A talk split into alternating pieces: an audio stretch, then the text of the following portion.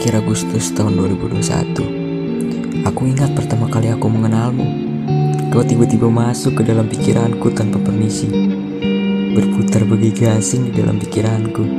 Entah kau milik siapa Hatiku sangat keras kepala. Aku ingin kau menceritakan tentang harimu Berbincang hingga salah satu dari kita tertidur. Aku tidak akan bosan dengan semua yang kau ketik. Betapa seringnya aku menduga-duga Adakah kode yang tersirat di kolom chat kita? Aku tidak mau berdrama, tapi aku tidak bisa mengeluarkanmu dari kepalaku. Aku tidak berbicara perihal parasmu yang menawan, atau apa yang kau punya. Ada sesuatu tentangmu yang membuatku baik-baik saja. Entah apa.